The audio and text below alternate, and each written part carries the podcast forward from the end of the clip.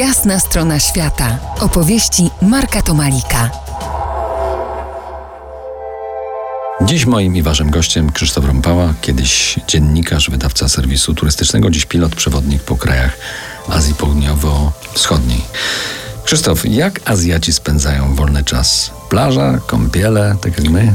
zakupy e, i pobyty w hotelach, w przyzwoitym hotelu no oczywiście. Plaża, bardzo niechętnie, bo na parze można się opalić. A skórę opaloną mają tylko prości ludzie ze wsi, którzy sadzą ryż. E, na plażę można wejść z samego rana, jak słońce jest nisko, albo tuż przed zachodem słońca, jak też słońce jest nisko i e, nie opali za, za bardzo. Oczywiście panie się wcześniej, wcześniej dość dokładnie zawijają. Standardem są bluzki z długim rękawem. To nie chodzi o żadną pruderię, tylko chodzi właśnie o ten mankament urody, czyli opaloną skórę. Oni z niedowierzaniem patrzą, co robią ze swoją skórą turystki z Europy. Mają taką piękną białą skórę, o której birmanki czy tajki w najśmiesznych, najśmielszych snach nie mogą marzyć.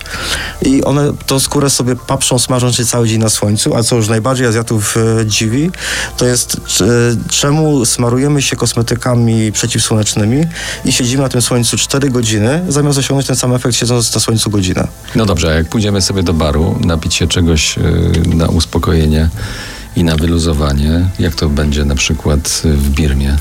W Birmie, w Birmie jest jedna rzecz, która została, e, przyzwoita rzecz, która została po brytyjskiej e, kolonizacji, to jest porządny przemysł e, gorzelniczy.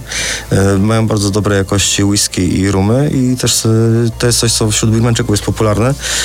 Często jest taki model, że jak spotyka się paru panów w barze, każdy kupuje sobie swoją własną butelkę, no i siedzą, siedzą przy stole, każdy sobie polewa w tempie, jaki tam uważa za stosowne i w momencie, kiedy wstają od stoła, z reguły nigdy jest taka butelka za jednym razem się nie, nie rozejdzie.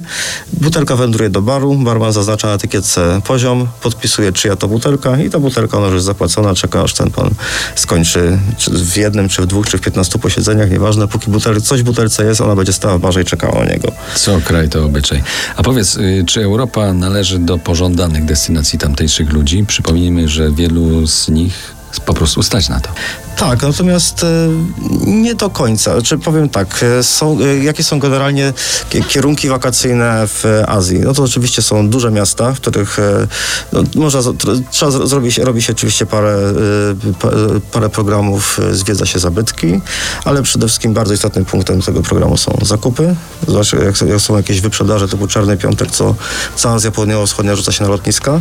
I bardzo popularne w ostatnich latach zrobiły się wyjazdy do północnych Chin, do Japonii, do Korei w styczniu i w lutym, żeby zobaczyć śnieg.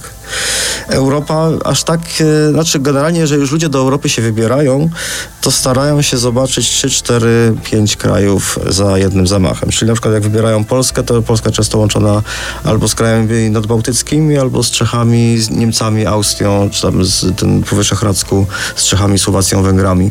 E, na jeden kraj, bo dla nich to jest, dla nich to jest jednak trochę, trochę daleko. Z tym, że to nie jest jakiś tam wielki, wielki, wielki wydatek dla nich. E, oczywiście mówimy o klasie średniej, prawda? Za kilkanaście minut, ostatnia część rozmowy, porozmawiamy o bezpieczeństwie w Azji Południowo-Wschodniej.